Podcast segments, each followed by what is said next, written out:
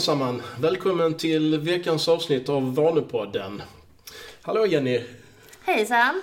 Uh, och uh, vi kan ju börja med att sammanfatta förra veckan. Då pratade vi om hur man etablerar en vana och vi var inne på uh, kontext, beteende och förstärkning. Och alla de är ju liksom grunden till att etablera en vana. Och idag kommer vi ju då fokusera lite djupare på kontext. Mm. Och vi ska också prata om din pollentablett, är det inte så? Ja, min pollentablett, precis. För att jag missade att ta den på morgonen. Just det, jag behöver ha en bättre rutin där, en vana. Mm. Och då är det kanske kontexten där som vi mm. pratar om som Absolut. kan vara det man behöver få in liksom. Um, men det här är ju en jätteintressant um, del av vanebildningen, just um, kontexten. Och eh, när man pratar om kontext så pratar man om kontext och trigger. Hur, hur liksom, eh, förhåller de sig till varandra? Ja, alltså kontexten är ju man kan säga att det är det stora, där det är både miljö, vilken situation man är i, vilken tid, platsen och vilka människor som finns omkring en. Eh, Medan triggern är ju som en del av den, men ganska fristående del. Um, och en trigger kan ju vara vad som helst i ens omgivning som, som får dig att göra ett visst uh, beteende. Det kan ju vara bra beteenden, men det kan också vara dåliga beteenden. Mm. Uh, så det är som en påminnelse, så den ligger i, i vår kontext. Kan man, kan man säga att, att liksom kontexten är själva löparbanan, medtävlandena, publiken, eh, själva känslan och triggern är startskottet för loppet liksom? Ja, för att alltså, kontexten är ju där du befinner dig just nu. Och i våran vardag så finns det ju triggers. Det finns triggers överallt som, som vi reagerar på medvetet eller omedvetet. Och då gör vi automatiserade beteenden, vanor. Mm. Och 43% av allting vi gör i, i, snitt är ju vanor. Så att det finns ju det massor med triggers. Mm. Och det är ju kanske inte saker som man tänker på om man inte fokuserat på att, att djupdyka lite i, i sitt eget liv mm. och hur det ser ut. Och, och, ibland är det så enkelt att man kommer in i ett mörkt rum och själva mörkret är triggern för att eh, göra beteendet att trycka på eh, liksom strömbrytaren. Ja. Och så blir det belöningen att det blir ljust liksom. Mm. Så det är ju massa olika saker som sker. Mm. Vad som helst i ens omgivning mm. som får en att göra beteendet. Precis. Um... Och, och, liksom, och för att få, Eh, om, om, om det är någon som känner att man inte riktigt eh, får en aha-upplevelse om vad, vad en trigger är så kanske man skulle kunna nämna det här exemplet att om det är någonting som man verkligen måste ha med sig till jobbet dagen efter att då är det många som liksom lägger en lapp på sina skor. Där det står en påminnelse om att man absolut inte får glömma att ta med sig det här. Eller att man rent av lägger saken precis innanför dörren liksom. Jag tror alla kan, kan känna igen det. Då blir det liksom en trigger för att mm. eh, ta med sig det som man inte får glömma. Absolut. Det skulle kunna till exempel vara matlådan från kylskåpet. För den kan man ju inte lägga fram vid dörren kvällen innan. Exakt, och då pratar vi om att vi har glömt båda två. Ja. Så det, det är väldigt bra att ha en lapp då. Mm. Som ligger där och påminner en om det. Just det, just det. Ja, precis. Ja, det är intressant. Men eh, det finns ju en massa sätt att dela in eh, triggers.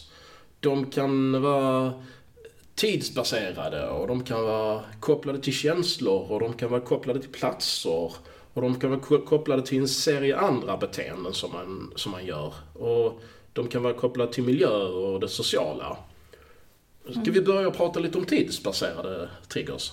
Ja, det kan ju en av de lättaste vara att man faktiskt ställer ett larm och skriver in vad man ska göra. Mm. Det vet jag att jag brukar använda på mina eh, vanor som jag inte gör jätteofta. De som jag inte gör varje dag har jag ibland ett larm på, så att jag ska komma ihåg det. Mm. Det är perfekt när det, när det inte är kopplat till någonting som som sker i en sekvens med andra saker. Utan mm. det är just en, ett visst klockslag när man, när man ska göra det. Det är ju perfekt att kunna använda larmet till telefonen till exempel. Och där, där kan man ju ställa in återkommande larm också. Så att liksom varje tisdag, torsdag en viss tid så, så ringer, ja. pinglar telefonen till. Mobilen är ju något som vi kanske tyvärr också alltid har med oss i vardagen nu för tiden. Mm, precis. Så att den finns ju alltid tillgänglig. Mm. Och där vet jag en del har pratat om att man man bör använda, att man bör välja ett alarm där den signalen är unik för just det beteendet. Mm, precis. Så att eh, man, man liksom eh, snabbt kommer in i känslan för just det här beteendet. Ja, det har jag faktiskt. Så det är ett unikt ljud. Mm. Till exempel när jag ska vandra Skåneleden så har jag ett liksom naturljud med lite fågelkvitter. Ja, så det, det är bra. Du kommer in i Skåneleden-mode direkt. Det gör jag. Mm. Eh, sen så kan man ju ha, eh, eh, liksom, om man kopplar till någonting som sker en viss tidpunkt, till exempel eh, eh, nyhetssändningen Rapport på kvällen. Om man vill göra någonting direkt efter det så kan, eh, kan det också vara en tidsbaserad trigger. Liksom, att så fort slutvinjetten går så, så, så, kanske man ska göra någonting. Och då kan man ha det som trigger. Mm. Eller morgonekot. Absolut. Så det är lite grann att hitta rätt eh, tidpunkt där på vanan. Det beror ju också lite grann på vad, vad är det man ska göra. Var passar det in? Mm. Hur lång tid tar den vanan? Mm, just det. Så att man eh, får ju hitta och pröva sig fram kanske också till en början. Vad är det man, var är det man ska stoppa vanan? Mm. Men det är lite om de, om de tidsbaserade där. Um, sen har vi också känslobaserade vanor. Mm. Som till exempel, ja men du är ledsen. Eller då kanske du äter en viss typ av mat. Sött och fett. Mm, det kanske. brukar ju ofta vara det. Att det är känslomässigt att man äter. För att få, ja men få lite mm, belöning blir det ju nästan. Mm, man får belöning, belöning av sockret och, och trösten. Mm. Så det kan ju också vara en, att man blir glad. Att man, blir, man känner känslan av framgång. Mm. Och vill fira. Och vill fira. Mm. Absolut, och, och, och, där, kan, där kan också mat komma in i bilden ofta. Att man äter något extra gott liksom när man har nått en framgång. Så eh, eh, känslor och mat hänger nog ofta ihop. Ja. Eh, och där finns också en sak man kan, man kan nämna i det sammanhanget. Att, i, i, att det kan... Eh, eh om man har lyckats bra ett tag och, och känner, känner framgång. Det kan vara till och med med en vana. Att man har gjort ett beteende framgångsrikt ett antal gånger. Så kan känslan av framgång vara lite förrädisk också. Att man kan känna att det, det kan, man kan hoppa över en gång utan mm. att det är en risk.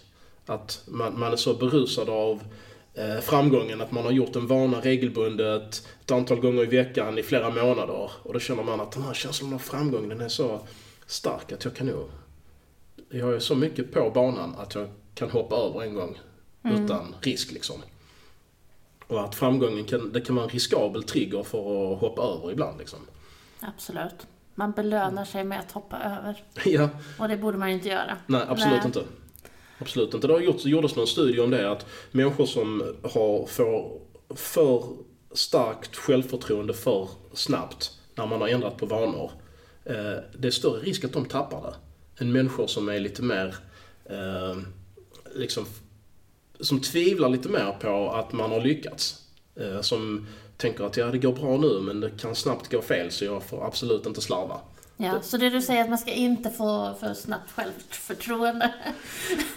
Faktiskt, ja. det kan låta lite, lite liksom eh, kontraintuitivt. Men eh, faktum är det att de som är, lite, som är lite mer tvivlande och lite mer försiktiga och inte riktigt litar på att man kan slappna av, de lyckas bättre. Ja, det känns bra. Tycker jag. Apropå det känslomässiga. lite så, ja. Uh, sen uh, en annan uh, är ju plats. Mm. Och, och, och, plats är ju intressant. Jag mm. menar, det finns exempel på rökare som har misslyckats med att sluta röka just på grund av det här vi pratar om, att man blir lite för självsäker. Så man känner att man kan faktiskt hänga med kollegorna in i rökrummet och prata, fast man har slutat. Men rökrummet är ju en fantastisk trigger för att röka. Ja, men det tänker jag nästan att det också är en vana, att de är vana att gå till rökrummet, de är mm. vana att stå och prata med vissa kollegor. Exakt. Och därför fortsätter de med den vanan. Mm. Även fast de kanske har brutit rökvanan. Mm. Men det blir ju en trigger för att de ska röka. Just det. Precis. Och där är, är det ju... Gynnar det ju rökstoppet ifall man kan sluta gå in i, i rökrummet och liksom förhoppningsvis få med sig fler kollegor som är rökare till att pausa någon annanstans utan en cigarett liksom. Fler platser som kan vara eh, triggande. Eh, köket kanske? Ja. Där har vi liksom vad är det man har hemma, vad är det man har i köket, vad är det som är synligt. Mm. För att om du öppnar kylskåpet och det första du ser där kan ju trigga en... Är det en sallad eller eh, är det liksom någonting mer onyttigt? Mm. Så platsen och, ja, platsen spelar ju stor roll där. Och synligheten spelar en jättestor roll också. Eh, Det är ju ett känt knep att vill man äta mer grönsaker så har grönsakerna framme på köksbordet i en skål så att man kan ta en morot när man går förbi. För då blir varje passage av köksbordet blir liksom en trigger till att äta grönsaker. Mm. Eh, Och stoppa det mer eh, ohälsosamma lite längre bak. Så att man inte ser det, även om det finns hemma kanske, så, så behöver det inte vara det första man ser. Så osynliggör man den triggern liksom. Ja, lite sådär, gör det lätt att göra rätt. Exakt. Mm. Eh, sen finns det ju också där om du ska på AV till exempel, du besöker en bar eller restaurang. Det är ju lätt kanske att man ja, men köper lite vin eller öl eller vad man nu tycker om. Mm. Föresatsen att, att dra ner på, på alkoholkonsumtionen och vistas i en bar, det kan vara en dålig kombination för då har man flera precis. Så det, det har ju lite att göra med vad är det för eh, mål, vana man har att jobba med. Mm. Så Och samma med fikaraster kanske. fikaraster, precis. Köper man in fika eller köper man in eh, frukt och grönsaker lite mer som står framme. Mm. Så det är ju lite val också som man gör tillsammans med sina kollegor. Precis, fikarummet kan antingen vara en trigger för att ta någonting ur uh, fruktskålen eller ta någonting ur kakskålen. Precis. Eh, precis, och sen så har vi något, eh, Eh, en väldigt intressant kategori av triggers, eh, staplade vanor. Vill du säga någonting om dem? Ja, de tycker jag har fungerat väldigt bra. Det kan ju exempelvis vara den mest klassiska kanske, jag tycker i alla fall, är att eh, när du har borstat tänderna och lägger ner tandborsten så tar du tandtråden. Alltså den är ju väldigt sådär, för mig innan vi började med de här ettårs ettårsprojektet så mm, det var inte jätteofta jag använde tandtråd. Men nu sker det ju automatiskt för att det var ju så lätt att bara etablera den vanan. Jag staplar den på tandborstningen som man ändå gör varje dag. Så att det sista du gör eh, i själva tandborstningen blir liksom din trigger och startsignal till Precis. tandtråden. Och den finns i närheten också. Den är inte liksom undanstoppat i ett skåp. För det har ju också betydelse att den är tillgänglig. Och på morgonen så har jag en hel serie med, med staplade vanor. Liksom starta kaffekokaren, morgonvägning, ta på träningskläder, bädda sängen. Det, det går i, eh, eh, liksom precis som längs ett rep liksom med, med vanor som följer på varandra. Där avslutet av den ena är startsignalen för nästa liksom. Och det är egentligen sådana tillfällen som jag tycker att det är lättast att lägga till nya vanor. Och de, de nya vanorna som man gör varje dag har ju varit eh, lättare att få in när man kan knyta in det till exempel på morgonrutinen eller kvällsrutinen. Mm, absolut. Absolut. Ja, det, det kan vi varmt rekommendera att eh, jobba med, med sån vanestapling och, och tänka också vad exakt är det då som är triggern? Att eh, det, kan låta lite överdrivet men att man faktiskt väljer någonting som, som är den konkreta startsignalen. Som, hur låter det när man lägger tillbaks tandborsten i glaset? Klirrar det till lite? Då kan det ljudet vara själva startsignalen till att ta, ta fram tandtråden. Liksom. Ja, och ibland när jag har gjort staplade vanor så har det varit att man har kunnat eh, Ja men eh, då har jag sagt att ja men efter det ska jag göra det. Men sen har jag upptäckt att ja men jag gör ju faktiskt någonting annat däremellan redan som jag inte var medveten om. Ja, okej. Så då har jag ju fått lägga det efter det beteendet istället. Så man har, jag har lite grann synliggjort mina staplade vanor också. Just det. För att, ja men man kanske gjorde det. Men det finns andra automatiserade som hänger på efteråt som jag inte hade tänkt på. Och då behöver jag antingen lägga dem emellan om det passar bättre. För att där är det också liksom när jag är på toaletten och ska göra liksom en en eh, tandtrådsvana så är det ju bäst att göra det direkt efter jag har gjort tandborstningen. Innan jag går in och bäddar sängen. Så att det är liksom, man behöver ju se var emellan Mm. det ska passa. Precis. Och det är också jättebra när man, när, om man har barn att man, eh, man hjälper dem och, och får in sådana rutiner. Uh, jättebra tillfälle så fort de har tvättat tänderna på kvällen liksom mm, ta fram tandborsten och kalla på pappa så man kan hjälpa de små att borsta tänderna Mm. eller vad det nu är. Att man, man liksom får in en bra vanestapling även för de små liksom. Ja. Så får de också bra förutsättningar för att bli självgående så fort som möjligt.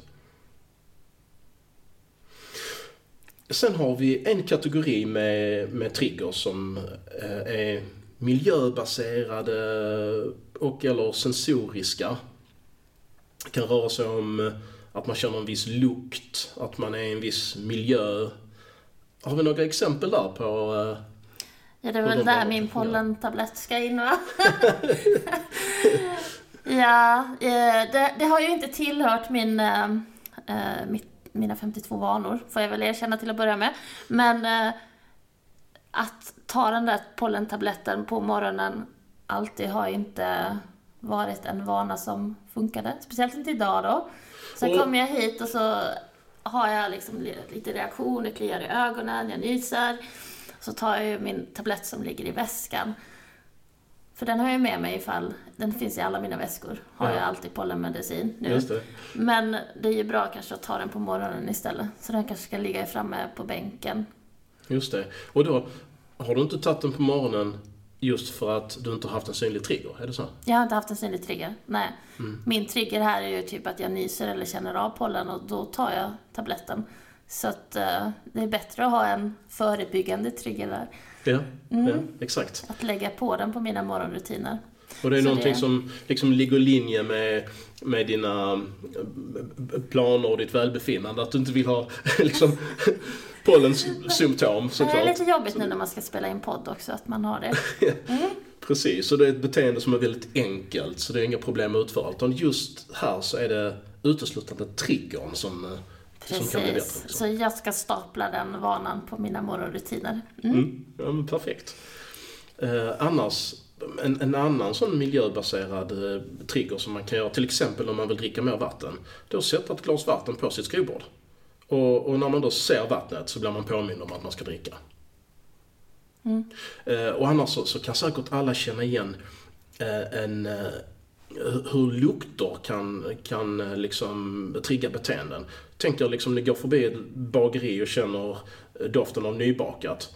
Hur nära till hands det är att gå in och, och köpa sig en Mm. mm. kanelsnäcka eller någonting. Och hur, hur liksom den här lukten verkligen kan, kan trigga en till beteende liksom.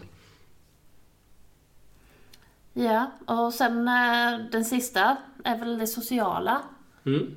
Och där kan vi ju tänka att i olika sammanhang så finns det olika triggers. Eh, är det med familjen så kanske det finns en form av trigger. Och eh, en annan kan ju vara till exempel på jobbet om, om vissa av dina kollegor kanske går ut och promenerar på lunchen så kan ju en trigger vara att de börjar ta på sig jackan eller är på väg ut. Mm. Så kan man ju faktiskt följa med dem, haka på deras bra beteende. Mm. Och sen varje gång när man ser att de börjar göra sig redo för att gå ut så blir det ju en handlingstrigger till att själv Mm. sluta an. Så det är de där små sakerna man eh, får vara lite uppmärksam på. Vad är det som händer runt en? Var är det man kan hitta triggers i ens vardag? Men vad är en bra trigger tycker du? Jag tror om man ska föra fram en egenskap ho- ho- hos en bra trigger så är det tydlighet. Man ska inte, man ska inte kunna missa den. Nej, det är viktigt. Mm, för för eh, om man vill göra beteendet och det är enkelt nog för att det ska bli av. Eh, har man då bara en trigger som man inte kan missa, ja, då, kommer, eh, då är det en framgångsfaktor. Då kommer det bli av liksom. Mm. Men att bara veta någonting, att bara ha kunskap om någonting, det är inte en bra trigger. Nej, det är det inte. Det finns, eh, det är ett intressant eh, stort exempel om det. Och det är i USA så eh, drev man ju kam- kampanjen Fem om dagen under 90-talet. Och det var en av de mest framgångsrika kampanjerna någonsin i USA. Och eh, då ville man ju att eh, eh, folk skulle äta fem portioner av frukt och grönt per dag. Portion är väl inte en hel tallrik men liksom den amerikanska serving. Som man har ett intag fem gånger per dag liksom. Och jag tror det var 7% eller någonting sånt som var medvetna om Eh, innehållet i den här kampanjen då när den började 93. Mm. Och sen ökade det till 20% eh, till 97 eller något liknande. Och det var liksom en många, många, många miljoner amerikaner som blev medvetna om detta. Och då kan man ju tro att den här kampanjen var en fantastisk succé. Men tittar man på beteendet så var det ungefär lika stor andel av amerikaner som åt eh, de här five servings 93 som 97. Så beteendet mm. lyckades inte ändras. Nej. Och det är väldigt vanligt eh, att eh, kunskapen som man har om någonting och att faktiskt göra beteendet är ett väldigt eh, stort eh, glapp däremellan. Ja. Och vad, vad är det som saknas däremellan? ja, det är mycket. Bland annat trigger. ja, bland annat triggern och mm. ja, hela vanebildningsprocessen egentligen. Så att ja. man gör beteendet. Ja, precis. Mm. Men, men man, man, måste bli påmind om och, och göra det som man vill göra liksom. Så eh, triggern är en väldigt viktig del av det. Och det, det, är viktigt att tänka igenom den så att den kan bli eh, väldigt ändamålsenlig utifrån hur ens liv ser ut. Mm. Och jag tänker också att det är viktigt att ta med sig att eh, det kan behöva liksom ses över och ändras och revideras innan man liksom hittar det optimala för vanan. Det har vi fått göra med våra vanor. Mm. Vi har fått flytta runt lite, felsöka. Så att eh, det är oftast inte något som sitter på en gång alltid. Utan man behöver hitta rätt plats för den och rätt trigger. Mm, ja, precis. Mm. Vi har pratat väldigt mycket om triggersarna nu. Vi har inte pratat lika mycket om kontexten som är den lite, lite bredare miljön och situationen. Liksom. Men eh, eh, självklart så är det också viktigt att man ser över den så att den blir så bra som möjligt. Så att den maximerar chansen att man kommer göra det här beteendet som man vill få in. Mm. Ja, det, jag tänker att det hänger ju ihop väldigt mycket med kontexten. För var du väljer att befinna dig Väljer du att gå till rökrutan så är det ju en, en Alltså det blir ju triggers där. Mm. Väljer du att uh, gå till gymmet så har du ju triggers där. Mm. Uh, så det är ju egentligen, triggers finns ju överallt i kontexten.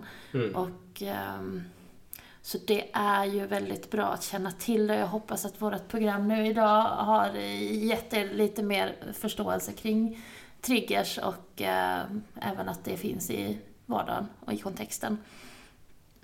Ja, precis.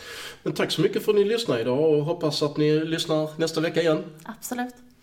Hej då! Hej då!